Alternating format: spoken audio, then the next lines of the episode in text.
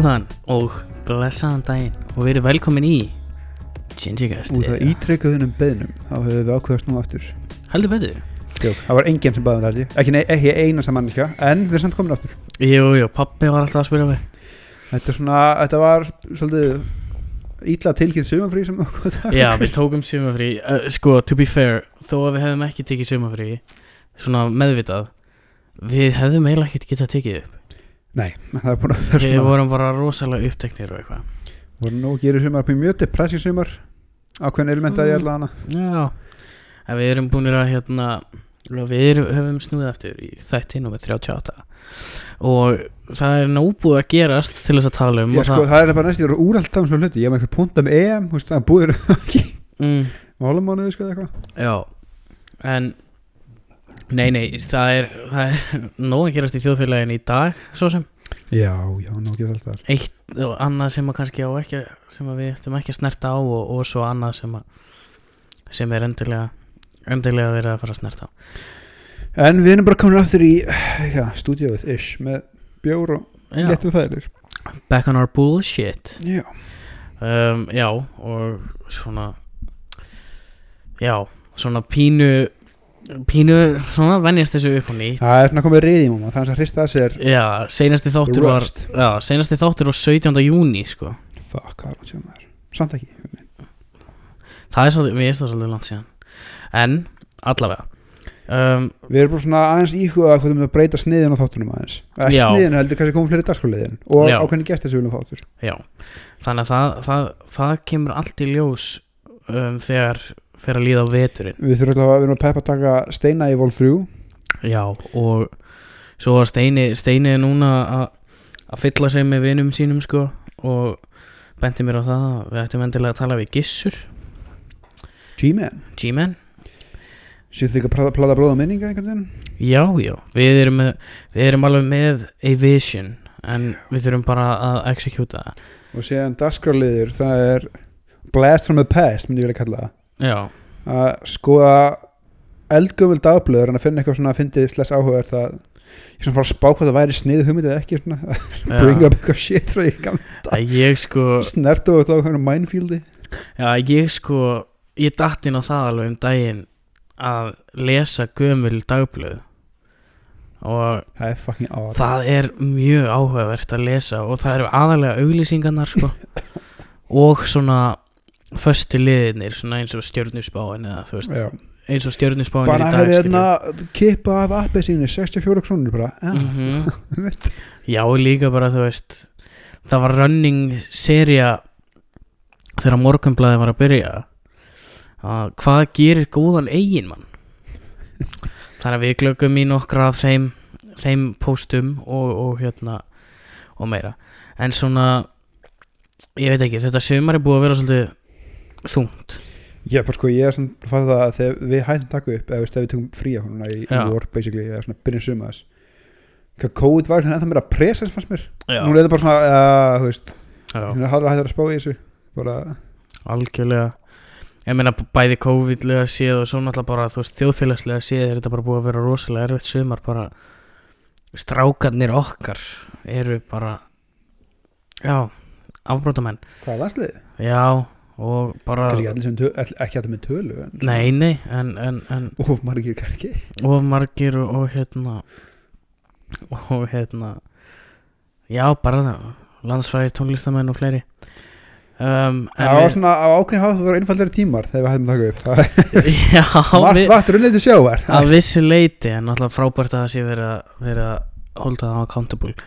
En við skulum ekki fara út í það ég segi snú okkar skemmtilegur á þannig léttar efni. Já, bólusetningar um, báðir. Já við fengum Janssen á Gaur, ég hef sjálf að vera fokki veikur af því það maður. Ég var, ég er ekki einu svona grínast.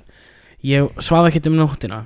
Ég held ég væri bara nært eða lífi sko. þetta var ógislega því sko ég verð oft mjög veikur á svona, ég fæði svona adverse reactions á drasli. Já, já, en þegar ég heyrið þér og þú varst og ég bara oh shit, Mhm. þetta er þá eitthvað. Mm út af því að sko ég ég var alveg ónýtur. Þú veist ég var bara, mér var ógeðslega heitt en samt ógeðslega kalt á sama tíma. Og þú veist ég gat ekki hreift mig einhvern veginn, veist, þetta var bara minnstu hreyfingar voru bara massa óþægilegar og allir svona allir svona verkir sem að maður hafði fyrir, þú veist, mögnuðust bara upp. Þú veist, eins og í bakinu hjá mér og, og hérna fleira. En við þurftum að fara í örfunarskam Já, sko, áður ég snetta því, ég man bara eftir fyrsta Jensen þá verða að chilla þetta heima og við fáum hérna vina fólk okkar í heimsók bara í smá stund. Og ég var búin að svona, við erum pínustæðala pínur hrókjum, bara, að þetta er bara, veist, ég verkið það ykkur þessu, ég er þennan dalina verð fyrir spurning 11 og bara fyrir aftur vinnuna, klára vinnundar, kem heim, er bara góður smá svona hausverkur mm -hmm. finnst það smá beinverki, bara ok, þetta er svona það er bara góður, alltaf, geggjað. Þau komum heimsókn og ég bara bratt bara, "Ah, hvað segja að spjalla og setja í sofanum og ég finn svona klukkutíum einn þegar að spjalla þá er líka með bara svona bank bank, herri fokka þú þið vinnur og það hrundi allt einu á sama tíma. Já, og ég vildi ekki vera dónulega rekaði burtu sko. Nei. Hann ég sá bara skjálfandi teppið hotni bara sér leið þau fóru bara í fórstællingunni brún bara ég er að deyja. Jep. Ég, ég lendi bara í þessu mjög svipað sko, þú veist þetta var fyrst maður tók alveg eftir í snemma skilur að maður var ekki alveg 100p sko. Já. en ég mitt fór klukkan 11 við fórum á sama degi á sama tíma og við fórum og hérna, ég fór og kláraði vinnu daginn og ekkert mál, svo þegar ég var komin heim þá var ég orðin svona sljór skilur svo bara klukkan svona tíu um kvöldið þá var ég bara orðin fár veikur sko. Jöp. og ég var alveg fár veikur alla nóttina og eiginlega allan daginn eftir og og daginn þar á eftir líka sko. Þú veist, ég varð bara veikur, veikur af þessu sko. Já. Og sér alltaf kemur þetta mitt örna skemmtunni og sko áður við förum út í umræðinu og hræstinu á því að er með punkt þar. Mm. það var líka allt öðru sekundin að þá, fó- þú veist, ég það var, fór á mánundi og var frí á mánundi og þriðdeginu og ég panta með, ég ég tekið til frí á föstudeginu áður. Hálfum með sönda fæðis tilkynningu bara, hefur þú mætið að sprauta á mánundi og var að gegja þannig að frí mitt fer í það að ég er veikur. Já, og ég fer það á mánudinum og ég bara, þú veist fekk og finn rosalega lítið einhvern veginn, ég, bara, ég er bara góður. Eins og aftur bara smá beinvirkjur, smá hausverkur. Já, þá, þá, þá skildi ég loksins að fólk tala um bara þingu það var bara þinga sem mm. Jansi var ekki þinga það var, þetta virkaði að vera þinga einhvern veginn. Og sem fer ég svo bara. Og vaknaði daginn eftir bara aftur með þinga einhvern veginn bara ok, svona, síðan líður daginn hann verði svo fucking hundveikur. Hvað þetta Já. var eitthvað delayed reaction af þessu.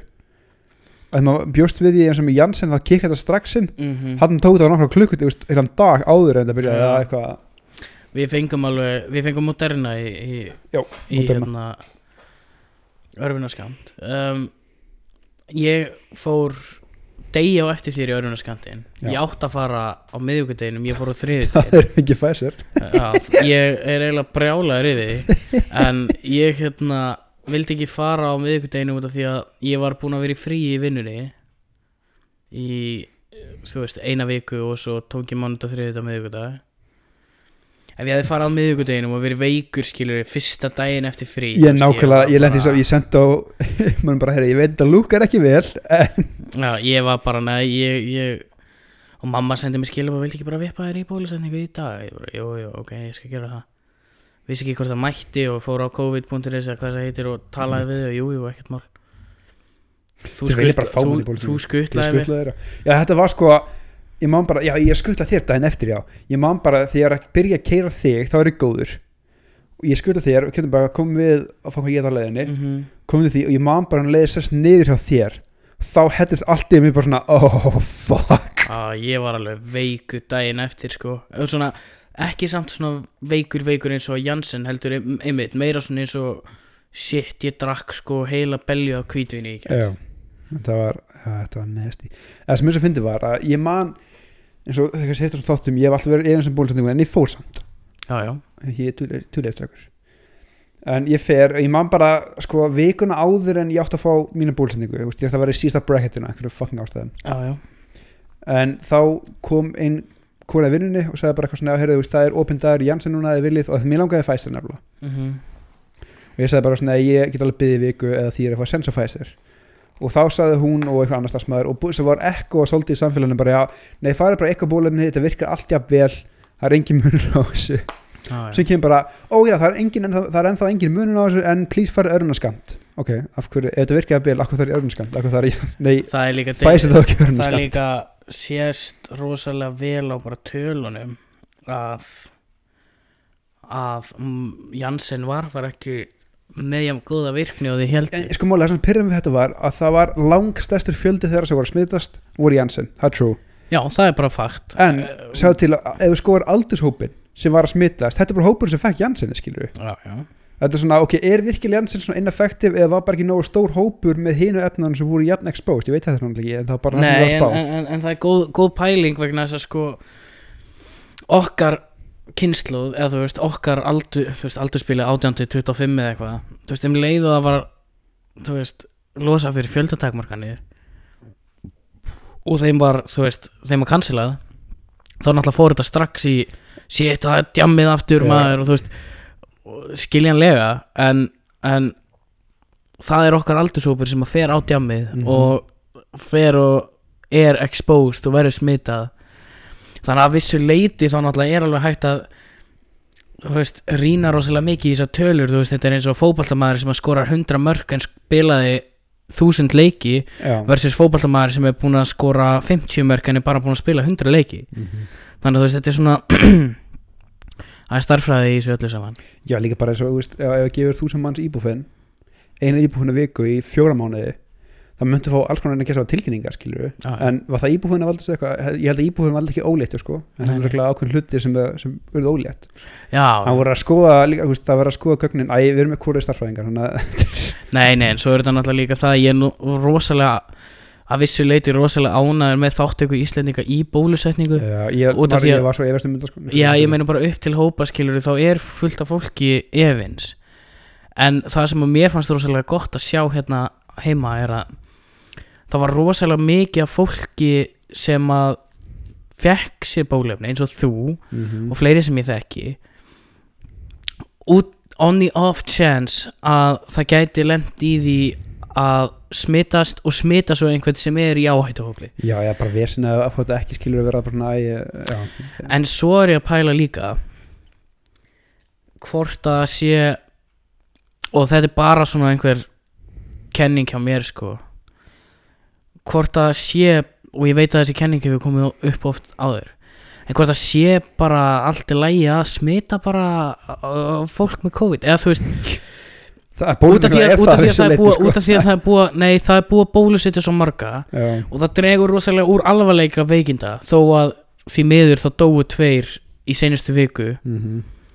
um, en upp til hópa hefur þetta dreigið rosalega mikið úr alvarlegum veikinda þannig að þú veist hvort að fjöldatakmarkanir séu ennþá eins nöðsynlegar og þær voru er ég svona, það er svolítið mín spurning sko Ég sko, mér að snert þess að þetta smá mér fyrst að segja sko að því ég man því ég las með örnaskamdin þá voru hérna allir að segja mann eða mjög mikið greinum bara ekki gera þetta og ég las aldrei fréttin, ég las bara veist, titilinn þannig að vera efins, sér það ekki svo að lesa fréttinar ekki bara titlina, þá var þetta svona ekki gera þetta að því að senda þeirra skamtilega útlanda Mhm. eða það ekki þörf bara svona ó, hann er ekki hættuð, þetta er bara einhver siðferðshandamál sko. og sér las ég viðtal við bandariskan, einhver svona lúna sérfræðing og hann sagði bara já, það er ekki mikið þörf á þessu en ef hefur aðgang að þessu, endilega gera þetta hann er bara Já. ok, sick, þá World, getur þetta World Health Organization eða WHO fordæmdi þetta Hver? Comedy þetta er comedy podcast um, WHO fordæmdi þetta að Íslendingar var að gefa örnvunna Já, ekki bara Íslinga, fullt af lönd bara að- Já. að lönd var að gefa skamt Já. yfir höfuð sko. vegna þess að það er rosalega lítið um bóluefni í þróunarlöndum til dæmis og ég skil pælinguna rosalega vel. Já, um, en þú veist að ég veit ekki, þetta er pínu svona ef þú getur haldið landinu þínu eins góð og mögulegt er að gera það bara, ég skil það alveg ég, sko. ég líka svona, ok tökum bara Íslandæmi, ég held að Ríkislandin bara hafi alveg fullt í fangi með að halda Íslandi góðu, mm þau eru ekki líka að spá í Eþjópíu og Suðu Súdan, sko, þó að segja náttúrulega fallið það er hægt, já, en ég held líka að þessi lönd hafi bara önnur stand, stærri vandamál að díla við þessu ebólu og AIDS og já, já, en svo náttúrulega líka bara kemur þetta út á því að vera þú veist, þetta er rosalega moral spurning en moralin, þú veist moral of the story er það að þú lagar til heima hjá þér að þú fer að taka til hjá öðrum sko. já, þannig að þú veist ég, eins og ég segi, ég skil þetta rosalega vel frá báðum hliðum. alveg mjög er vel sko.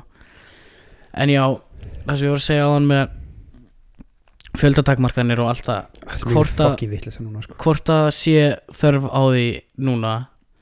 Langar bara að svolítið að heyra þína skoðun. Mín skoðan er svo inn svo að af hverju eru að fucking standa í þessu? Af því að eins og núna bara 500, núna er 500 mann takmark eða er þetta framvísa neikvæð af, ég skildur þú veist, flattendu kurva allt þetta, já við erum með þessi base 100 smitt á dag. Af hverju eru að standa í fjöldamarkaðum eða vilt ekki fara fjöldamarkaðum haldið það fucking heima. Já, við erum komin með heimsendingar á öllu. Þú getur panta mat heim, þú getur panta úst, þetta, ekki þú þú getur fengið allt sent heimtíðin þú þarft ekki að fara eitt en eitt haldið bara heima. Af hverju erum við að takmarka lis þá er þetta bara meðvitu áhætta. Fólk er árið bólusett, já, já. fólk komið örna skamta af hverju erum við að standa í einhverju ef til vill mögulega kannski vill, ef þú ert með neikvægt hraðpróf þá maður 500 hans per hund, úst, fuck it Já, ég er alveg sammála því En það sem að mér finnst líka rosalegt í, í tölfræðinni þegar að það voru fyrst að koma upp þessi smit þegar það verið að tala um bólusetta og óbólusetta hvað hlutfallið á óbólusettum var rosalega hátt í smittölum Hvað hækkaði við- hratt? Já, Það við hvað voru margir miða við hvað voru fáir sem að bólusettu sig ekki sko. Já. Þannig að þú veist, þar sérðu strax alveg að bóluefnin virka alveg en þau virka kannski ekki alveg eins vel og, og vonast það til. Ég skal bara lofa því að ástæðum því ég fer ekki inn á dæmi núna það er ekki samkvæmtakamarkan sko. Nei, nei, nei, ekki en þú veist, hugsið uh, ef að fólk hugsa þetta bara svolítið svoleiðis að ef að það eru engar samkomu takmarkanir að fólk geti bara slett og klaufum og, og verið bara alveg eins og fyrir COVID þá er það þeirra vandamál, skilur um, fyrir þá sem að vilja ekki taka þátt í því þá þú þarft ekki að fara á djammið þó það sé opið, skilur Nei. þú þarft ekki að fara á 1500 nei 15.000 manna tónleika. Þú þarft ekki að gera neitt af þessum hlutum. Ég veit að þetta snýst allt um lífsgæði og, og þú veist eitthvað og vera að tala um einhverja frelsisvittingar og allt það, mér er bara dröllu sama. Ef að þú vilt horfa á það svoleiðis þá er það bara og þitt líka að það er ekki það er leifilegt þá er þú að ekki. Þannig að þú veist ég er alveg sammála því að, að fjöldatakmarkanir eins og staðinni núna er bara komið, það er bara komið út í eitthvað vitlis mér finnst bara að það ætti að vera stofnanir og staðir að fá að taka sjálf ákvörðunum um þetta. Það er enga takmarkinu að hafa líkistofnarinnar ef Harpa vill fylla salin þá má það fylla salin eða ef Harpa vill halda takmarkunum þá má það það líka. Já, mér finnst bara að úst, ef austur vill vera opið til þrjú já, þá veistu bara því austur opið til þrjú eða þú vilt ekki taka á þarna haldið það heima eða fara að kalda eitthvað í staðinn sem er bara úr hlutlu já.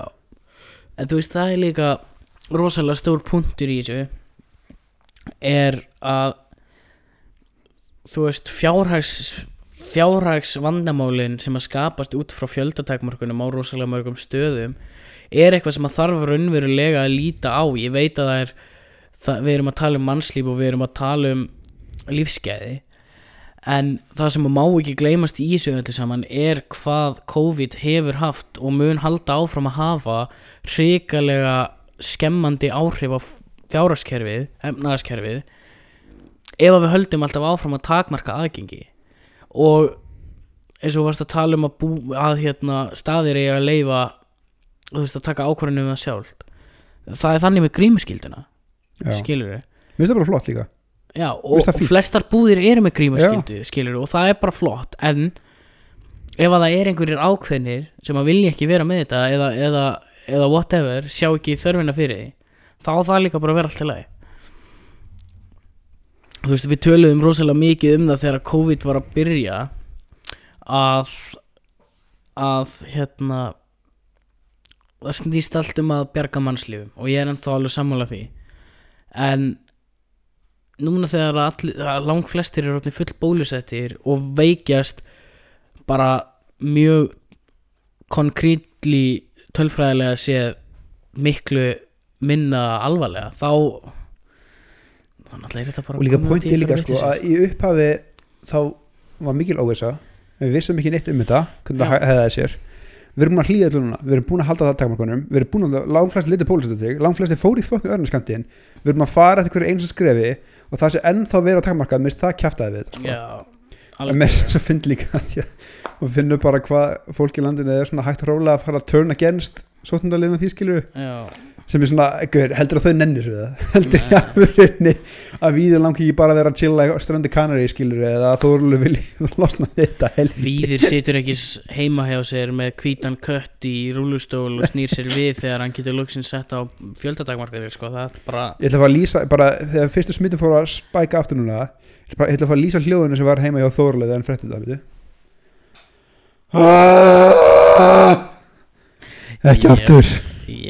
jep. Ég meina það nennir sig enginn. Og, og, og, og hérna uh, þjóðin og heimurinn er orðið, orðin rosalega, rosalega, rosalega þreytt á þessu. En það sem að mér finnst alveg magnað er að ef við horfum aðeins bara yfir allanshafið uh, í suður ég átt að Bretland segja það er enski boltinn farin aftur á stað. Mm með fans. Og við erum að tala um að það eru stút fullir 80.000 manna vellir Bretland e, lendu í öllu fokkinu sko. mm og þeir tóku bara ákvörðun. Og ég, þú veist það er búið að fordæma þessar ákvarðanir og, og allt það, ég skil það alveg afs- afskaplega vel. En þú veist ég veit það ekki. Ég, ég er svo sem alveg hlindur því að hafa grímu skildu áfram. En þessar fjöldatakmarkanir eru þú veist. Bara ég er svona þreytur á þessu. Eða þú veist, eh, ég er bara, þetta skipt mér bara völdum máli. Að ég, Já, ég ég korti er ekkert að fara á þessu tónleika en ég bæja, þannig að ég í rauninni could já, give less of a shit skilur og bara eins og í sumar hvetur bara til að ferast innanlands? Það var næst líka veist, og fólk er svona að það fara útlanda og fer út útlanda bara áhættu, þetta er svona já, já. leifa einstaklingum og stöðum bara að taka þessar ákvarðanir sjálfar sjálfur Já, já, sko. en það er náttúrulega líka sko, ég meina ég ferðaðist innanlands í sumar, ég fór í fyrsta skipti á æfi minni ég er að ljúga, ég farið á tálknafjörð áður. Um, en ég fór fyrsta skipti á æfi minni á Ísafjörð og skoðaði Dynjanda og eitthvað. Já, við fórum á Austurlandi með sko, það var bara gett næst Já, veist. en en hérna ég vil ekki hljóma eins og eitthvað algjört kapita, kapitalista svín sko, en, en það þarf að veist, það má ekki gleyma því að peningar skipta alveg rosalega miklu og líka sko jú, jú, það, ég, ég mun aldrei segja þú veist, let everything loose. Það sem ég er kvita til er að endur skoða nálgunina af því það að nálgast þetta eins og nálgast þetta fyrst það er bara vitlis af því við vitum meira núna öðru aðstæður að reyna að finna einhverja sko hag, hagkvæmur er langtíma lausna á þessu er öllum í hag basically. Ég er alveg sammála því.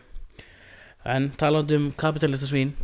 Já sko þetta var segmentið okkar um COVID. Við höfum verið mjög flinkir í að forðast COVID gegnum allt podcasti en um, Ákvæðum að taka smá rispu. það var ekki annað hægt er Nei En talandi um kapitalista svín. Já. Um, hvað gerir sérstaflokkur núna? Nei, nei, ég bara Það er að koma kostningar og svona Þú veist bara að vera það ekki bara sér þáttur í okkur Jú, ég ætlaði bara að minna fólk svona á að Já, veist og lesið ykkur til og takið ákvarðanir upp á ykkur einstæmi ekki láta plata ykkur í að kjósa eitthvað sem þið viljið ekki kjósa ég ætla ekki að tjá ég ætla ekki, ég ætla ekki að nefna flokkur og nefna hvernig núna allavega það er alveg að reyni Nei, við kynna þeirna, þú veist, í þættinum um kostningar um, Það er það er svo mikið að gerast maður. Afganistan er í rugli. Já það er líka annað sem ég nenni ekki að spói það er svona jú það er alltaf hræðil sem að gera svona það er alveg rétt en það voru lítið mikið gert í þessu. Það er voðalega lítið sem er hægt að gera í þessu. En þú veist, lesa kommentakerfin undir sem hlutunum hann sem eru verið að posta á netinu er alveg hræðilegt. Gauri, ég er samt sko hugsa um daginn, ég er svo fucking glaður að Facebook eða þessi kommentkjæri voru ekki til þegar, ég veit ekki, setja heimsöldunum til? Jep, getur ímyndað hefur kommentin undir frettunum nasista ráðhessin í Póland það verður örgulega fimm komment bara, já þrótt og skilu þessi pólverðar já, já. Þetta eða er einhver kommentur náttúrulega- bara, já það er hundskili sko, þetta er ekki svona slæmt þetta Já, einmitt. Svo eins og með hérna mann sem að gekk berserk, skang hérna á hvað, ég hef ekkert fylgst með því sko. Nei, nei, það er náttúrulega voða lítið þetta, þú veist, ég las bara einhverja nokkra fréttir og, og hann hann var hann með haglabissu bara út á götu og var að skjóta okkur hús og eitthvað og skaut að lauruglunni, þannig að lauruglan skaut tilbaka og skaut hann í, í magan síndi sem ég er að lesa og þar var eitt kommentakerfi að að hakka lögguna í sig sko, sem er náttúrulega alveg bara, bro, hvað í fokkan eiga þau að gera? Hei vinnur, leiðu frá þið byssuna. Ég meina farðu í þessa stöðu sjálfur og sjáðu svo hvort þú myndir kommenta þetta sama. Það var eitt kommenti sem að sagði sko Kuslega segilega vinnubröður það að skjóta mannin í magan var ekki bara hægt að skjóta hann í fótinn? Gali, farð þú í þessa stöðu? Hendu þér í þessar aðstæður. Skjóta hann í fótinn. Ég ætla að giska sér á reyfingu, hann sem ekki kjör með byssuna veit ekki sko skýt að þú ert en uh, Nei, mitt, en hérna já. Hefur við eitthvað að tala um hvað þið búið að vera uh, sumarið hvað það er búið að fara með okkur í, í hausnum? Viltu koma eitthvað inn á það? uh, það var nú alveg klótt að snerta þig sko. Já. Ég skal bara, við skulum bara byrja á því að ég er farin að hitta sálfræðing aftur. Já, ég tók líka smá sérpu þarna í sumar. Yes Ekki, ég, það er langt sen ég er farið til sálfræðings það er ég- stemming já, sko, málið, mér veist, ég vil fá bara taka þetta, ég hef fótt til sálfræðings í sumar, eða bara ekki fyrir mjög lengur síðan, út af smá kviðvesinni hvort ég alveg tveimur dögum setna var sálfræðingum minni viðtala á vísi yfir kvíða Íslandingan eftir sumari ég bara, einhver, er þetta personalegt að Já. fokkan Ég hérna að ég fór að, fór að hitta sálfræðing út af bara þunglitis vandamálum og hérna það er bara sem það er. En uh, ég ég veit það ekki, þú veist ég held að þú veist, mér er ekki búið að líða vel í mjög langan tíma og ég bara svona einhvern veginn fattaði það allt í einu. Og það kom svona bylgja yfir mig of bara massífi þunglindi bara út frá þú veist COVID og alla fréttir sem að maður lesir ömulegar og þú veist það er, var ekkert að frétta af skólanum og, og, og, og fleiri hlutum sem skulle ekki vera nefndir hér en, en hérna æ bara þú veist þannig að ég ákvaða að fara að hitta nýtt, nýr sálfræðingur. Og hérna þetta er bara að segja manni að þetta er stöðu vinna. Þetta er endalus fucking vinna andlega er- helsaðin er ekki- aldrei complete skilur, þetta er viðhald. Nei, og það var ógeðslega erfitt fyrir mig að viðurkenna það fyrir sjálfur mér. Það er það og þú veist, það er eitt að viðurkenna fyrir sjálfur finnst mér að þú er við vandamáli að stríða svo er annað að viðurkenna að þú sért ennþá að díla við sama helgis vandamáli og varst að díla við fyrir fimm ára Já. sko. um, en það er bara svolítið svolítið ég hérna ég er allavega ánæður að hafa tekið þetta skrif og ánæður að vera komin í í þá stöðu að geta farið á réttu brautina True. og þú tókst skref fann aftur á skólabekk, my boy. Já, heyrðu Ég sendi tölvupúst í byrjun sumars á skólan til þess að aðtuga bara hvað ég á mikið eftir í stúdentspróf út af því að þú veist ég fór í flugvirkjan og kláraði ekki stúdentspróf. Ég átti einn áfanga. Mér finnst það svo ógeðslega fyndi Ég átti einn íslensku áfanga eftir. Þannig að ég er að lesa sjálfstætt fólk núna að skemmta mig konunglega. Frábær bók Frábær fucking bók. Nei, ég er svo sáttur að ákveða að klára þetta Þetta er, Já, auðvitað þetta er svo- humongur skrif að gera Já, auðvitað, og svo náttúrulega er þetta bara, þú veist, að geta gert þetta í fjarnáfi Herru, veistu hvað, einn áfangi kostaði sann Hvað? 22 skall. Það er svolítið brætt Ég- Bæði já nei, en samt heldur ekkert þú Þetta er ekkit massíu peningur, ekki með það sem að flugvirking kostar skilur. Nei, ég segi það sko, með við sumt en náttúrulega, jú, fyrir einn áfanga er svolítið mikið að Þetta er alveg með, menn skal leir töðum yeah. Represent, Representin, Austurlandi hvernig er ásattíðin ykkur? Herru, hún verður haldin á Zoom einhvern tímann En hérna, já, já, ég ákvaða að taka það skref um, Svo er ég eiginlega búin að ákvaða það að ef það verður ekkert að frétta í flugvirkjanum í næsta haust þá fer ég bara í háskólan maður. Mér finnst það hljóma ógeðslega vel sko taka verkfræði og verkefnastjórnun. Ég er alveg fór að pæla þessum daginn ég var hann að finna punkta fyrir þáttinn sko. Hvað, mér finnst bóknám að mörgu leiti vera óslega úrælt konsept sko. Já, að því núna bara eins og lillibróðum minn er í smiðunum í FB já, og veist að að alltaf þegar, sérstaklega þegar að byrja í mennskóla þetta er að það er lagt fyrir þig eins og ultimatum. Þú velur bóknám að þú velur verk nei, þú getur tekið bæði. Mm eins og planið hún með bara að klára verknæmi sem taka ára við búið að klára stundin að mér, ég skil ekki af hverju ekki bara allt áherslu á þetta veist að því að þetta er eitt ára viðbót þú eru hvort er maður styrta það niður þrjú ár bóklega, af hverju ekki bara taka eitt ára viðbót og síðan kunn líka múra? Já. bara herri já, ég er frá verkefni og ég kann að múra eða ég fór vistafræði og ég kann að leggja nýtt rafmakskilur af hverju, Það sem er nefnilega svo rosalega og þetta er svolítið fyndið og pælir í þessu Daniel að þú veist fyrir 50 árum, 60 árum þá var að þá var the jazz að vera í rafvirkjanum eða smiðnum eða eitthvað. Svo fór fólk að hætta að fara í verkreinar og svo núna þá er spæk í því. Fólk er, já, fólk er að taka meir og meir á sig að fara í yðngreinar sem er alveg frábært og þú veist eða er einhver að hlusta sem er að pæla yðngreinar borga bara fucking vel sko. af því að sko, jú, af því að veist, ég veit bara, ég myndi fara aftur núna 16 ára, ég myndi allan daginn fara í eitthvað verknám mm. -hmm. En því bara þú ert, þú getur, þú, þú nær alltaf stundum prófa einhvern veginn, þú getur tekið alla auka áfangana en svo þart til þess að fara í námi þú, þú tekur bókstæla bara eins nöðsilegt drasl í bóknum eða getur Mhm. og síðan, ef þú ættir vistafræði þá getur þú sér eftir því, eða þetta, þú veist, þá getur alltaf tekið val af hvað svo þart og þú ert með bakkuplan, að þú getur fara að vinna sem málari, eða þú getur fara að vinna sem smiður skilur þegar þú ert búið með það. Já, og það sem er náttúrulega svo ógeðslega gott við þetta er, og ég hefði gert það sama í fullri reynskildi, sko, ég, ef ég væri að fara tilbaka núna þá hefði ég farið í rafvirkjan eða eitthvað. Um, og tekið það áður en ég færi í flugvirkjan átjónar aldurstakmarkin í flugvirkjan mm -hmm. þannig að þú veist að geta og þú veist þetta þarf ekki einu svona að vera backup plan sko, þú getur bara verið með hustle on the side. Já, þú veist það er svo vannmetið núna nú til dags finnst mér því að það er til svo mikið að luxus í lífinum hjá flestum.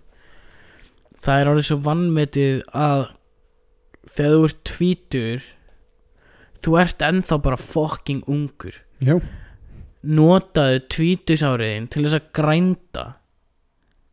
Svo getur þú fara að chilla ég líka bara, ég, já. Ég var að finna núna seglega eftir að kemta mér íbúð sko, eða kemta mér íbúð, veistu það? Já, sannlega Eftir að kemta íbúð, ég hata stundum hvað ég er virkilega ósöðuberga með ákveðin frangandir mhm. Mér finnst það óþólandi sko, þannig að maður ætti eitthvað svona í bakvarsanum sko. Já, svo er þú veist eins og að vera smiður skiluru, þú kant pínu lítið af öllu, sko. Já, ég held bara sama hvað innám Ég held að það mikilvæg innám Ég finna bara á kjartunum og læri endilega bara innámu sjálft heldur þú læri þessa hugsun ég get brotið eitthvað þá laga þið bara aftur þú færð, þú færð þennan vilja og þennan confidence til þess að bara vaði hlutina og ef þið klikka þá bara laga það ég finna bara þegar við erum með pappa, hann er alltaf raf ekki hann kom að setja ljósin hjá okkur og eitthvað Mhm. og það er alltaf hugsun bara, já við höfum bara í þetta og síðan eitthvað klikkar hann lögu það bara Já. meðan ég er alltaf svona hikandi og þú er aldrei að gera neitt sko. Það er líka, þú lærir það náttúrulega í flugvirkjunum líka að þú þarft þú veist, þú gerir stundum mistök og þú þarft að troubleshoota og þú þarft að laga. Ég meina 90% af jobbi flugvirkjans er bara að troubleshoota skilur þannig að þú veist ég, vandamáli eru ekkert nema bara önnur leið til að finna lausn sko. Og það á við í bara svo ofbúslega mörgu svona tengdu. Bara læra sjálfstyrsti að gera hlutina sko. það er það sem, já já. Þú veist ég veit ekki, það er ekki það er ekki flókið að mála veggi eða smíða grindverk eða eða, eða skiptum ljós heima hjá þér skilur þetta er bara rosalega mikið trial and error. Bara ef þú ert að skipta ljós heima hjá þér skilur ekki ekki fá raflost. Já, það er svolítið ég sagði bara næst þegar þú bara verður að kenna mér þetta. Ég nenni ekki alltaf að þau ringi eitthvað til að gera þetta allt sko. það er ógeðslega það er ógislega leðilegt og líka bara út af því að maður vill vera sjálfstæður maður. Eins og Bjartur segir. Eins og Bjartur okkar í saumarhúsum. Fíp. En það er samt rétt að einhverju leiti nefnilega að vissu leyti. algjörlega, ég meina þú veist auðvitað vill maður geta að redda sér. Þú veist, veist, ég tristi mér núna bara þess að vinna, ég tristi mér alveg í svona mest basic shitið sko. já. En þú veist, að gera einhver lagnir eða alltaf setja upp ljós þá er ég bara, nei, ég kann það bara ekki Nei, en eins og þú veist þegar maður er að gera eitthvað svona hluti eins og þú veist að gera við bíli sinn til dæmis Já. það finnst mér hafa kent rosalega mikið að sem að bíla eitthvað í bílnuginu og veist hvað bílaði að kaupa varahlutin og skipta bara um hann mm -hmm. þar ertu strax búin að læra ógeðslega mikið yep. maður ætti bara að kaupa eitthvað shitbox og leika sér að gera við það sko. e, algjörlega og bílar og íbúður og hús það er ekki það sama, ég veit það. En það er svo rosalega mikill confidence booster. Að þú ert á 99 Volkswagen Golf og það bilar eitthvað í honum og þú kaupir varahlut og þú skiptir um hann og það gerist ekki neitt og það er allt í góðu lagi mm þá ert þú bara, heyrðu já, ég get þetta alveg. Ég er bara fucking guð. Og þetta á bara við alla og þú veist, þetta getur verið eitthvað einfalt eins og skiptum dekk þess vegna, skilur En ég ætla hins vegar segja þetta eins mikið og ég hata það svona mikið sjálfstæðar ég hata svona fátt meira en þegar þessi eldri kynsla bara því unge fólki, ég kunni ekki gera neitt já, þið veit ekki neitt, þú veist þú er alveg rétt fyrir þér, en fokk ég fyrir að segja þetta hverjum er það að kenna?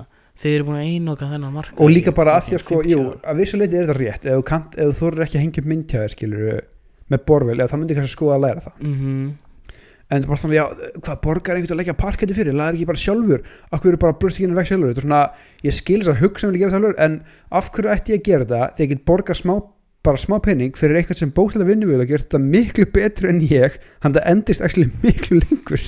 Jöp, það er nefnilega svolítið málið sko. Og ég held að náttúrulega, stór ástæða fyrir því að það er búið að vera svona mikið vöndun í yðnaðabransan er að mér finnst út af því að það eru þú veist eldri kynnslöðin tók svo rosalega mikla einokun á þessu og attitútið í þessu liði og viðhorfið og, og verkferðlandir voru bara svo outdated fyrir 25 árum skilur að það vildi enginn vinna við þetta það vildi enginn vinna með Mhm. þessu liði ég finna bara svona samanlega vinnur okkar eða samanlega para, para sem þekkjum voru kaupa sér íbúðið mitt og ég held hvort að þau hefði lagt að parketið sjálft í íbúðinni mm með aðstóð einhvers miðs eða eitthvað já. Og síðan kem, ég veit ekki hvað það var lag ég þekki ekki söguna nákvæmlega lag eitthvað það var bólgna alltaf byrja hálfa mitur upp á st- stað sko. að dúkur undir. Já, eitthvað, það er alltaf að fokast eitthvað upp. Já, þannig að þau fór útlanda í middiltíðinni komum bara smiðið frá tryggingafélagin og lögða bara fyrir þau. Já, og komum tilbaka, búið að leggja allt upp á nýtt. Og ég hef að spila þeim bara hvernig hann eitthvað svona þetta er miklu betra, þetta er bara allt annað. Svo er það náttúrulega líka sko. það er rosalega gott og gilt að vera með hluti skilur og geta að horta hér ég gerði þetta, ég bjóði þetta til sérstaklega það er heima hjá þér. En ef þú hefur tökað því þá er mjög oft mjög gott að borga fagmanni. Ég, það, er líka, það, er, mér, það er líka munur á því að geta bjarga sér og vera ákveðna sjálfstæðir og fokka vísendundu hlutum upp að þetta er stoltu til þess að Já. borga fagmanni fyrir það ég myndi, ég myndi til dæmis ekki ég myndi parkettleggja sjálfur, ég hef parkettlagt áður. Þannig að þú veist ég, I, I know how it goes. Mhm. ég myndi aldrei flýsalegja skilur, út af ég veit ekki hvernig ég á að gera. En nákvæmlega. Þannig að þú veist þetta, þetta er pínu svona pick your battles. En ef það er eitthvað sem þú heldur að þú geti gert en ert eitthvað svona að já, að ég veit ekki, gerðu það bara. Ef það fokast upp, þá getur þú bara borgað einhverju fyrir það. En ég veit bara svona ef ég var að byrja með fyrirtæki eða einhver vefsíðu eða eitthvað sko. Já, mér er þess að ég vinn sem forrættari og ég gæti þau örgulega annarkvæmt smíða einhver fallega síða viksað eitthvað eða skýta mig bara sjálfur. Mm en ég myndi samt alltaf frekar borga hönnustofu og einhvern alvöru framöndaforrættari til að gera þetta því ég veit bara, þó ég kunni þetta og getur þetta þá getur þið gert það svo miklu betur. Já, ég meina þú er besti vinur minn í heiminum og ég elska þig ógislega mikið. En ef ég var að fara að leita mér að forröldra ég myndi ekki tala við þig sko. Ég það veist, ég myndi ekki fá þig til að smíða fyrir mig app eða, eða heimasíðu. Það er ekki út af því að ég held að þú getur það ekki heldur er það bara að ég er ekki að fara að byggja þig um eitthvað sem að þú heldur að þú getur ekki eða þá öllu heldur vil ekki setja ábyrðina á þínar herðar Já, líka, því ég menna, ég, líka, ég veit alveg nákvæmlega hvernig ég geti eitthvað hvernig ég geti ekki sko.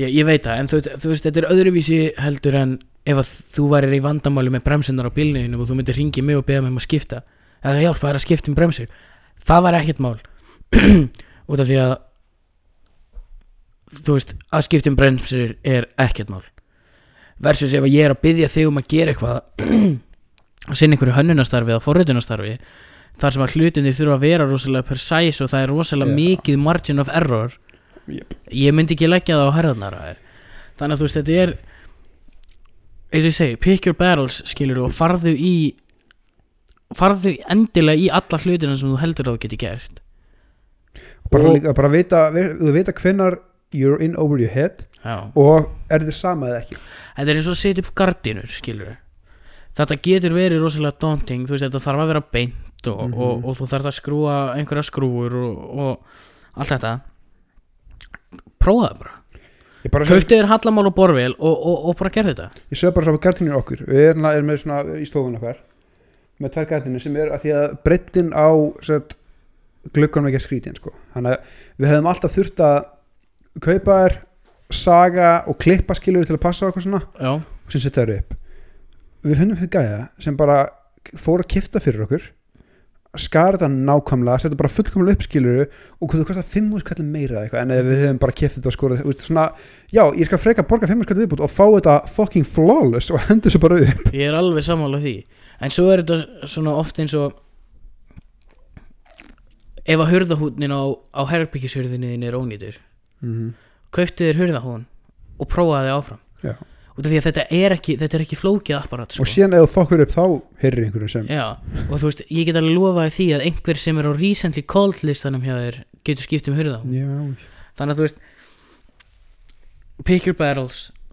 Þú veist, settu saman íkæðu húsgögnu þín.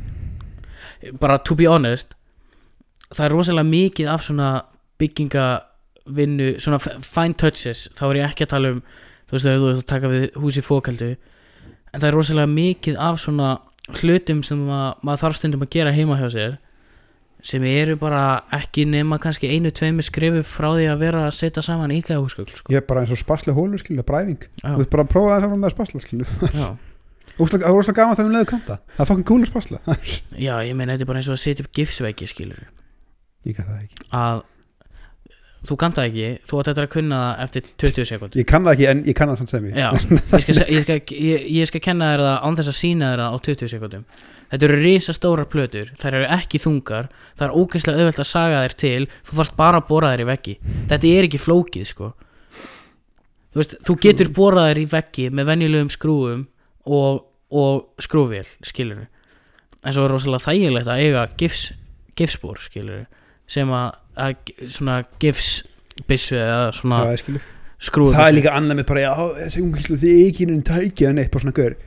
Pappa mér er innanmaður í 700 ár. Hann á öll tæki nóndum en af hverju myndi ég eða peningi að kaupa það? Því Nei, ég er með bara- world class tæki í 5 minna fjarlæðar Já, þetta er bara eins og afi, skilur. Afi á allt, báðir afa mínir eiga Já. allt sem að mér geti nokkru sinni vanda Já, þessi pappa var og lengra afi síðan úst, hús með meistari. Já, þannig að af hverju ætti ég að kaupa þetta ég meina þú veist, ég er ekki að fara að kaupa mér þú veist, verkfæri fyrir hundruði þúsunda sem ég er ekki að fara að nota fyrir að, veist, sem ég er ekki að fara að nota nema tveggjara fresti. Mér langar að eiga set, mér langar eiga litla borvel mér langar að eiga skrújátt með svona skil skiptadraslu þannig sko. Þurfa yfir, þú veist, ég er alveg samanlega því það þarf að vera nú öllum heimilum. En þú þarft ekki að eiga sko, þú þarft ekki að eiga borðsög og þú þarft ekki að eiga stingsög eða dósabor eða þú veist eða dósabor eða þú þarft, þú þarft ekki að eiga slípirokk, þú veist, þú þarft ekki að eiga neitt af þessum hlutum. Og ef þið vantar þetta, þá er líka bara mjög góð verkfaralega í hús, húsa, hú, húsasmiðinni mm Já, eða bara pabbi, hei, maður komast ekki að slípa okkur til. Já. Já, geggjað. Þannig að að þetta er búin að vera svona DUI fyrir unga fólkið hotni já, bara frá okkur í Gingy-kastinu prófa það bara og ef það fokast upp ekki taka það inn að því það það er bara það er bara, þú lærir ógeðslega mikið á því að klúra hlutunum eins og þú lærir mikið á því að gera það rétt. Og ef þú klúrar því þá annarkvort lagar það og reynir að finna út hvað fór úr skeiðis eða ræður fagmann. Mm það er bara svolítið Ég er með lista af rapid fire pælingum sem langar að henda þig hendu þeim í mig. Fyrir hlustendur þá langar að benda það að ég byrja á svona lista viku eftir að við tókum frí, fríð þannig að hann er ákveðin element er líklega pínu outdated. Byrja á köllu þáttunum, Netflix. Hef ekki séð það, langar ekki séð það. Af hverju langar ekki að segja? um, tvær ástæðir mamma og kæristinn hennar voru að horfa á þetta þannig að þegar þetta kom út og mér fannst þetta bara ekki appealing. Og í öðru lagi þá bara langar mig bara að horfa á eitthvað annað skilur Ég ætla að segja það að ég var, ég var, nákvæm, ég var mjög skeptikal, mér langar hérna rosalega að segja þetta Ég ætla að segja að þeir kom með skemmtilega óvart Hann gerir það rosalega vel úst, Þetta eru bara svona þrillið þættir Ég held ég alveg að þú myndir hafa gaman að þeim já, já. að Þetta er alveg cool concept og hann, hann mistar hvergi mistíða sig Þetta er ekki svona e eitt moment þú bara svona, æ, come on skilu Þetta er, Ok. okay. þetta er alltaf mega senn Þetta er svona skemmtilega cohesive og hann tísar nóg til þess að segja áhugavert og ok. En eina pointi sem ég hafði með þetta er þetta var svo augljóslega handir sig að skrifa ennsku og þýtt yfir á íslensku. Það Baltar hefur pottet skrifað þetta fyrir ennst audience og ákveðið að translate þetta því, já, og þú horfður á þetta þá mun taka eftir því. En ég ok líka að segja það, getur enn stóð sér bara ógæslega vel? Ha, getur enn stóð sér bara ógæslega vel? Já, ég ég heyrði hún um var aðleikunni bara ha, það. já, en mér finnst hún bara að leggja þetta frábæla ég efast ekki um það, hún er rosalega hæfilegari en það er eins og byrjum með, þetta var mjög augljóst að skrifa á ennsku já, þegar við erum á Netflix vagninum þannig að bara að spyrja einum um, getur þú útskipt fyrir mér? Mm. af því að ég bara, í höstum mínum meika þetta ekki sens Mindhunter. Já, var cancel eftir sérið 2 já. En það er að koma Kissing Booth 3 Jep. Ég skal segja þér að Supply and demand. Graðir úlingar ha. Já, græðir unglingar Supply and demand uh, Mindhunter, ég held í áfram fram Ég hef sagt það öruglega oftar en tvisar á þessu podcasti Er það besta sem að Netflix hefur gefið frá sér. Og ég var mjög fúll þegar þeir canceluðu eftir seríu 2 En Ég skilði það alveg peningalega séð. Það er öruglega ekkert ódýrt að vera með David Fincher í vinnu sko á meðan þú getur búið til Kissing Booth 3 fyrir ógeðslega lítinn pening og fengið ógeðslega mörg streymi. Ég trúði ekki þegar tökum út sem var mæri að segja mér, það kom þrjú ég bara, mm, ég, sko, ég, að við- ég hef séð nummer eitt. Ég skil, hvernig stretchaði þetta koncept í þrjár Nei, bíómyndir? Ég, ég ætla ekki að fara Ég hef aldrei séð þetta en, en hérna Það er rosalega að ég veit ekki, þetta er bara, þetta er bara the money man skilur þeir, þeir ráða ríkjum þarna mér finnst það bílun sko. Já, því miður elska Mindhunter. Ég er búinn að sjá fyrstu tvær seríunar tveisar eða þrjusar sko. Love that shit. Já, ég, ok, allan hana. Já, annars kom fram í sumar eftir að hopp byrjaði svona að stækka hans við sig og Já, rannslöfbihjólu já, við stærri, þetta er eitthvað sem ég er mjög personur um þegar þetta var til að hann um að banna hopp um helgar. Já, það var út svo af slisa hætti það var svo fyndi heyrðu, það er bannað að kera bíla um helgar. Hvað ætlar að segja, skilur ég hugsa líka bara þetta, my ass, þetta snýst um slisa hættu þetta eru leifbílstórar að grenja þau þeirra að tafa pening. Þetta, þetta snýst ekki, eitthvað get ekki mér að mellu saman hvort að fólk sé að ég slasa sig á þessu. Næ, ég veit það. Og þú veist, ég veit að fólk hefur slasað sig á þessu. Ég þekki nú bara til eins sem að slasaði sig Mhm. alveglega á svona. En að banna þetta um helgar skilur, það er bara eins og að segja að það þurfi allir að koma nýr í alþingis og ganga frá bíleiklunum sínum á föstudöfum ég bara banna umferð um helgar. Já, út af því að þú mátt ekki keira út af því að þú gætir fengið ég, þú veist, koma ég eh, mér finnst það svo myndið af því að vikun áður var einhverjur leifbílstórar kvart yfir þessu. Já, já. Sem vikur senna bara, já, bandu slisa hættu blik, blik, bara uh, True, nei ég skal gleymdu. lofa því. að það er eh, stór prósenda af eða sko fólk, fullt, fullt fólk á hoppjóli er örgara en hjá ákveðinu prósenda leifbílstórar mislunum helgar þannig að Já, ég held að það sé ekkert villust því það sko Og líka bara Hvernig ætlar að halda utan um þetta? Hvernig ætlar, hvernig ætlar að enforsa hvernig þetta? hvernig ætlar að enforsa þetta af því að ætlar að coersa hopp til að slökka á appinu sem helgar eða er fucking byrða Já, ég meina, líka bara og hvað með fólki sem áhlöfbjóli sín Líka bara, við lifum í Í, í Þú veist, það er 2021 Þetta er fyrirtæki sem að að Þetta, þetta eru einstaklingar sem eru að reka fyrirtæki mm -hmm. Skilur Þú getur ekki bannað fyrirtæki að halda upp í starfsemi. Og líka bara, herri, ok, þannig að það maður hjólraðar á þjóðveginum á miðjum þjóðveginum að há hana tíma en þú ert ekki að fara að hoppa um helgar. Mhm. er að, veist, þá vil ég banna hjól líka á háumferðartíma og um helgar líka. Ef maður hjólafullur Já, þá- bara frá, frá klukkan hálf sex á föstudagskvöldum til sjö á mánudagsmótnum þá máttu ekki vera á farartæki. Jep, nema legubíl og sætt, Nei, legubílstjórar eiga þá ekki að meira að gera. Þeir getur verið jú, þeir eru hagsmunæðilega hann veit mig það, ah, Jep. Þetta er svo mikið vitli sama eða veist það fárunett sko. Þetta er bara fáránlegt. Algjör fucking vitli þannig að valmöðleikin A að taka hopphjól í fjóra mínútur eða fyrir 700 kall max eða eitthvað eða taka 5 skona legubíl hmm. Já, einmitt Hvað ætli verði fyrir valinu? Ég, ég er svo samanlega Þetta er algjör vitlis í spæling sko Já, veist, ég málega er að veist, ég er með svona love-hate relationship við leigubílstjóra að veist, ég veit að þetta er svolítið thankless job og ennlega kóðum að heita þá líka rosalega hart en mér finnst þið verið svo veikri samningastöðu til þess að vera vælandi sko. Já, líka bara, þetta, þetta er sama og var með hérna þegar að kom upp umræðan að leifa Uber á Íslandi Já.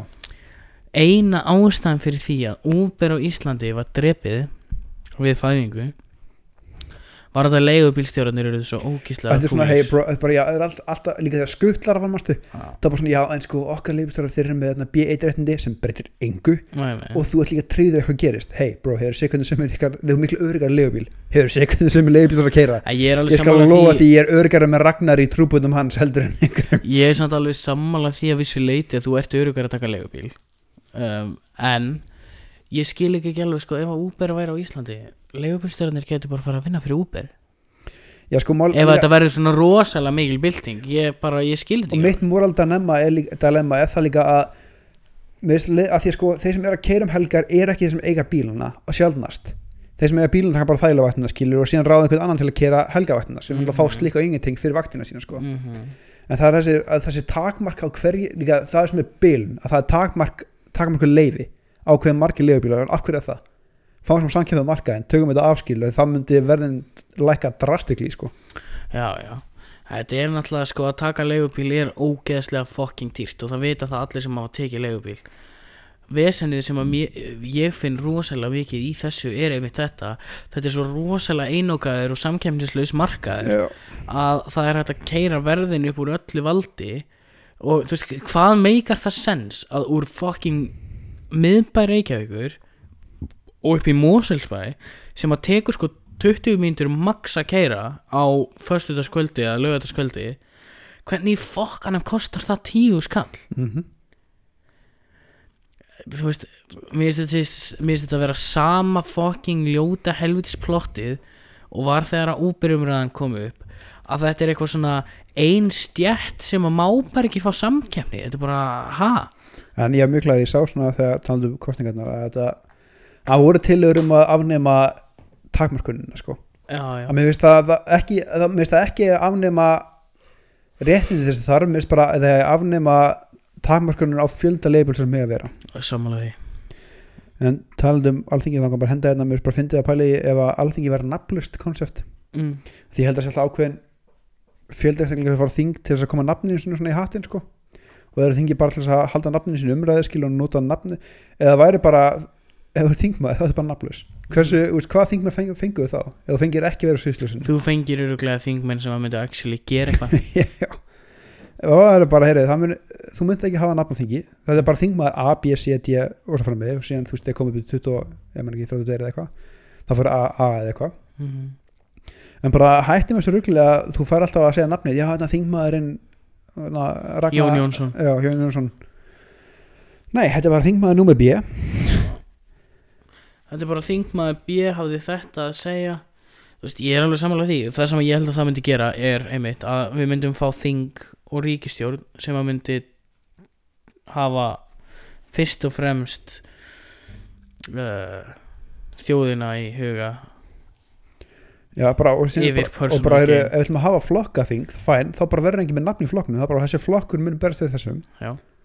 þá getur að segja hver er hvað sko. Það verður mjög gaman að sjá þetta play út. Við skulum skrifa Netflix Netflix seríu um þetta. Um þetta, já, endur það en ég ætla að svona byrja á næst sísta punktinum og það er bara alltaf tala um Facebook og samfélagsmiðla hvernig Ísland er ofta tíðum bara eitt stærsti fílebeinsturn í heiminu sko.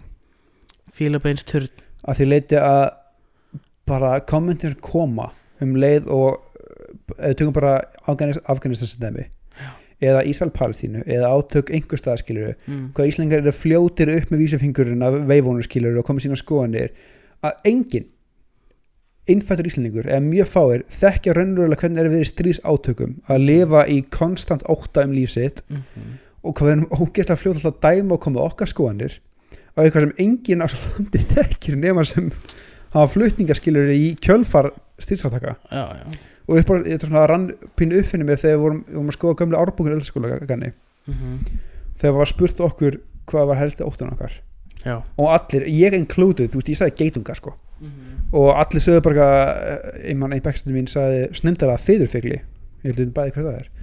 En þú veist hvað allir vorum til möndin og síðan tveir, mástu það var ein frá Tælandi sem er mér í bekk og ein- og einn pólveri líka sem er mér í bekk hvað sögðu- og þau sögðu bæði stríð hvað það er svona eitthvað real bara svona, já, heyru, það er actually, veist, hvað við höfum það svo viðbjóslega gott en Íslandi Já. og hvað við höfum auðvöld með að dæmi hluti sem bara engan á. Ég átti nú bara samtali um þetta við móður mína um daginn Það sem að við vorum að tala um sér satt viðbröð margra Íslendinga við svona hlutum eins og uh, Afganist Afga, því sem er að gerast í Afganistan og þá að hleypa hérna inn flótamennum um, svo komið það líka upp náttúrulega að þá að byggja mosku við Suðurlandsbraut og það Mhm. var allt vittlust í kommentarkerfum út af því um, það sem að mér fannst vera rosalega afgerandi í kommentarkerfunum hana var bara fáfræði og svona first world problems Mhm. alveg skein af þessu liði og þú veist mamma ég, ég sagði mitt við mömmu akkurat þetta. Mér langar rosalega að vita hvernig þessir einstaklingar myndu bregðast við ef að það væri stríðsátök hérna og þau þyrftu finnst þau þurfa að flytja úr landi Mhm. skilur Bara myndu þau, þá bara, þau bara búast við því að einhver annir lönd myndi bara ekki vilja taka við þeim eða henda þeim út, nei, þetta er bara þetta er fucking white privileged fucking lið sem að veit ekki hvað hefur að gott og neytar að horfast í augu við ógeði sem er í heiminum bara út af því að það hendar þeim ekki. Bara ímyndaðar að þau þurftu núna bara að kemur stríð í Ísland bara bomba á hanskirkju já, og við þurfum að fara til Indonésiu annar trúabræð, annar kultúr, allt annar. Hversu fljótu verður þú aðlaða samfélaginu virkilega? Þú væri mjög lengi að því. Þú værir ekki bara mjög lengi að því heldur það sem að þú myndir reyna að gera og það sem að Íslendingar myndir reyna að gera og flest, flestir allir úr vestrana heiminum væri náttúrulega það fyrsta sem að við myndum hugsa bara út af grunnhugsuninni í okkar kynstofni við myndum reyna að kolonæsa þetta fucking land. Við myndum reyna að breyta öllu til þess að henda okkur. Já, ég myndi líka bara, ok þetta pyrir mér sérskilega þegar ég sé fólk kvart yfir því það kom svona pínu umröðum þetta í ferðamannabransanum að starffólki kann ekki íslensku. Já, einmitt. Þetta er svona, ok, vinnur farð þú til Íran núna já, og fara að vinna á hóteli eða í vestlun, lærðu persnesku ég held að við tala persneska í Íran ég, Mm. ekki, ef það er ekki þá afsakaðu það. Lærðu tungumáli þar lærðu síðuna, lærðu skilur trúabræði og aðlaðu svona. Sjáum hversu fljótur þú ert að ná þessu. Og ekki bara það heldur sko það sem er svo rosalega skrítið hérna heima er eins og með moskuna. Hér á Íslandi eins og í mörgum löndum ríkir það sem kallast trúfrelsi. Mm -hmm. ég veit að þetta er þjó, þjóðakirkja og þjóðakirkjan er kristintrú Jöp. en í landi sem ríkir trúfrelsi það, það felst í því að hér í þessu landi máttu tilbyða þann guð eða tilheyra því trúabræð sem að þú vil tilheyra Mm -hmm. það að einhverjir kristnir eða jafnvel ótrúaðir einstaklingar vilji ekki að það verði Moskva reist Moska reist fyrir ekki ha, ég ætla bara að segja það meðan Betania, Votta Jehova og Philadelphia fá að reysa sín trúar eða með sína trúarstæði þá má byggja fokkin Moskvu. Nei sko svona í alvörinni Daniel þetta er hús. Þetta er, þetta er hús þar sem að fólk fer til þess að tilbýða sinn guð. Nú eru ég og þú mjög ótrúaðir. Hvað mennur, ég er ásatrúa já, já, gegn? allt í lagi. Um, við trúum ekki á allavega þá ekki þennan típiska guð Nei. og við erum ekki kristnir, við erum ekki múslimar við erum ekki við erum ekki gyðingar, við erum ekki hindúar. Það splittar mig ekki fucking diff hverju fólk trúir. Mér það, sko, trúið sem vilt svo lengi sem Já. þínur aðhæfni brjóta ekki í bóa við landslög. Já, og sem betur fyrir er landslög þú má tilbyggja hvað sem vilt. Já. Og mér er drulli fokk sama á hvaða guðu trúir. Og sem áframhalda því mér er drulli fokk sama hvar og hvernig þú gerir það. Af hverju í ósköpunum má fólk af múslimatrú ekki reysa sitt uh, trúarhús eða hvað sem þetta heitir? þú skilur ekki að þetta er þjálfurnar búið hriðurkamanna mm, mm meina þetta er náttúrulega ekki nema bara xenofóbía og, ég, og, bara og rasismi. þegar ég var að horfa rifið upp á þetta ræðfrétta sketsin já, já, já það er mjög góður skets hann er stórkóstlega mjög góður skets og hann hérna Guðmi góð, þú talar hriðurka tungumál. Já, hann var a great sport að taka þátt í þessu Þetta bara, þetta er hátsettur gæi innan múslim Íslandi og hann fattar mér sjálfur, já, það er bara að finna ekki að grunna þessu. Já, þetta er ekki veðistöng, þetta er basúka þetta er það er það sem að hún og gott að hann geti tekið í svoleiðis en fólk það gleymist rosalega oft í þessari umræðu út af xenofóbíu og rasisma þetta er við, við erum öll manneskjur sko. Já, eh, bara, þetta sýnir húm þetta sýnir bara mér mindsetið hjá fólkinu sem trúir þessu Íslandi að það er oft það er oft þessi, finnst mér fókt upp tenging að, að það er mikið stríði með Íslandum það er múslimar með Íslandum þannig að múslimar í Íslandi, þeir vilja stríði nei, þeir vilja bara chilla á, þeir vilja líka fara það sem að, það sem að, það sem að týnist rosalega oft í þessari, samt, í þessari samtvinningu er að ef að þessir múslimar sem að væru hér á Íslandi myndu vilja stríð þá væri þeir ekki á Íslandi. Takk fyrir bend. Já, og ég líka bara að því minnist á xenofóbíu og rasisma. Að vissuleiti á er þetta örugglega því að, að, veist, ofta tíðum. En ég bara man líka svo rosalega vel eftir þessu þegar ég var að vinna í Elko. Og ég hef svona tekið eftir þessu síðan þá er að þegar það tala um að einhver aðlar hafi óbeit á fólki frá Austur-Európu eða frá Suðaustur Asíu eða Asíu öðrum löndum fólki hefur ekki óbeit á þessu það vantar bara það er skilningsleysi Já, þau ég tala öðruvísi, þetta er óþekkt þetta er eitthvað sem við, þetta er óvenjulegt veit. Já. og það er leiðandi í staðans að reyna að skilja það og að komast til móts við það þá bara, já, heyrðu, þá ætlum við að vera að móta þessu sem er xenofóbía út af því að þú ert, já, já. þú ert mér finnst það ofta meira mér finnst ofta tíðan vera óvart sinnfóbía, basically já, en ég meina þú veist þetta lið vaknar ekki á mótnana og það fyrsta sem það segir ég hata útlendingaskilur Nei. En, en það sem þetta er er náttúrulega rosalega hræðsla og þar af leiðandi óbeit og kannski pínu hatur í garð einhver sem það þekkir ekki. Já, og það er ekki. bara xenofóbía eins og hún leggur sig veist, og eins og við höfum oft sagt er að fordómar byggja ofbúslega oft á tíðum á á hérna skilningsleysi. og, bara bara fáfróðleika og það að Ísland í dag sé ennþá að glíma við það vandamál hvort að eigi að reysa Mosku við Suðurlandsfröðu ekki. Það er bara, sorry, það er bara beyond me.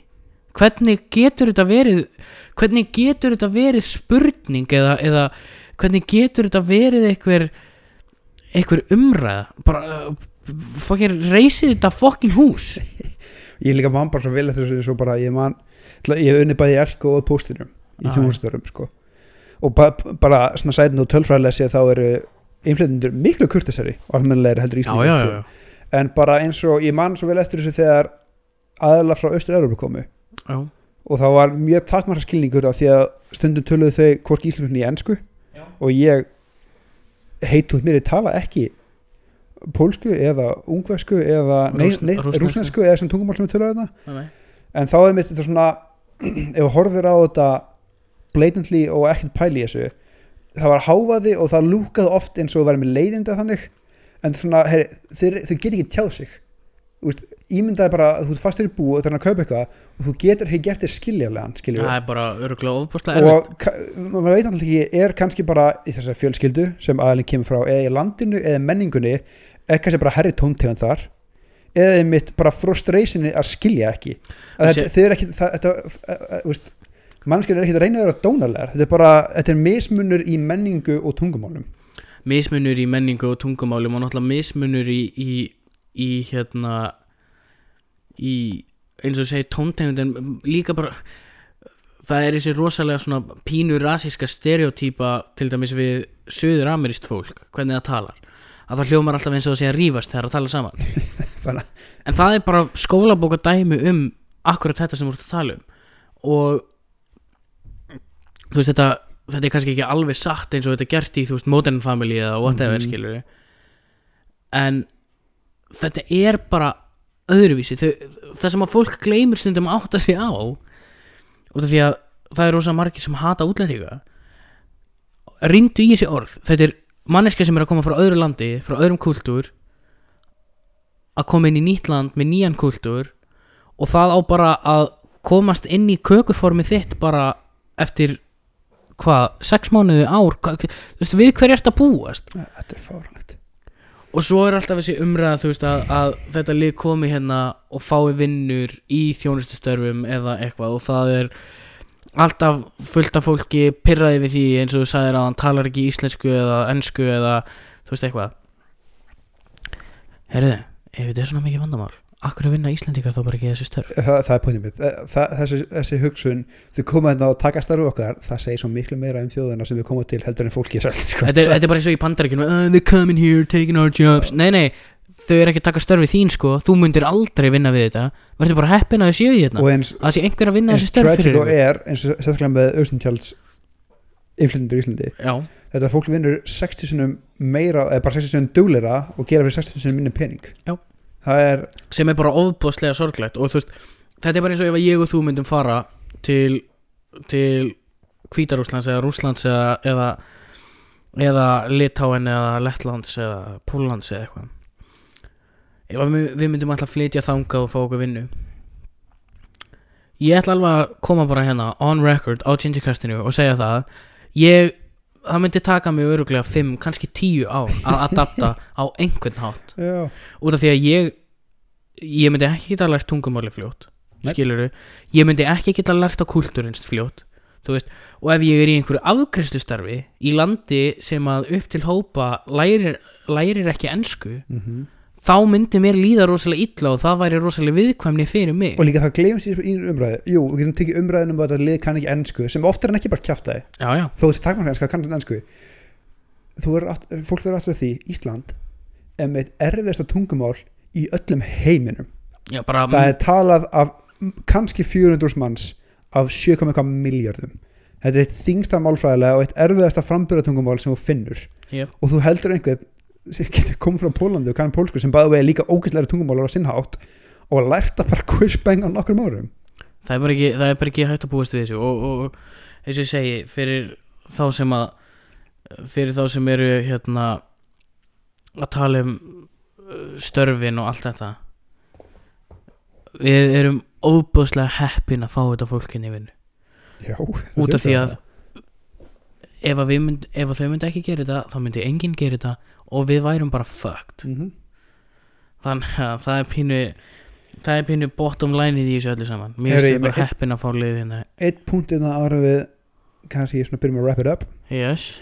Veist þú hver Naomi Osaka er?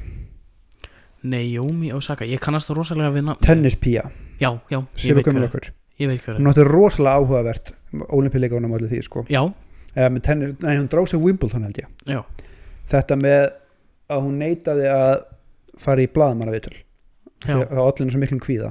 Já. Og þess vegna var kikkað út úr Wimbledon. Mm. hvað ég var ógeðslega tórun á því mitt hvað, við fyndist um það. Þannig að svona áðurinn sem minn sko hvað veist þér um þetta? Að, að því að hún fannst mikil kvíða við að díla við blaðamenn þá neitaði hann taka þátt og þá er henni kikkað út fyrir það.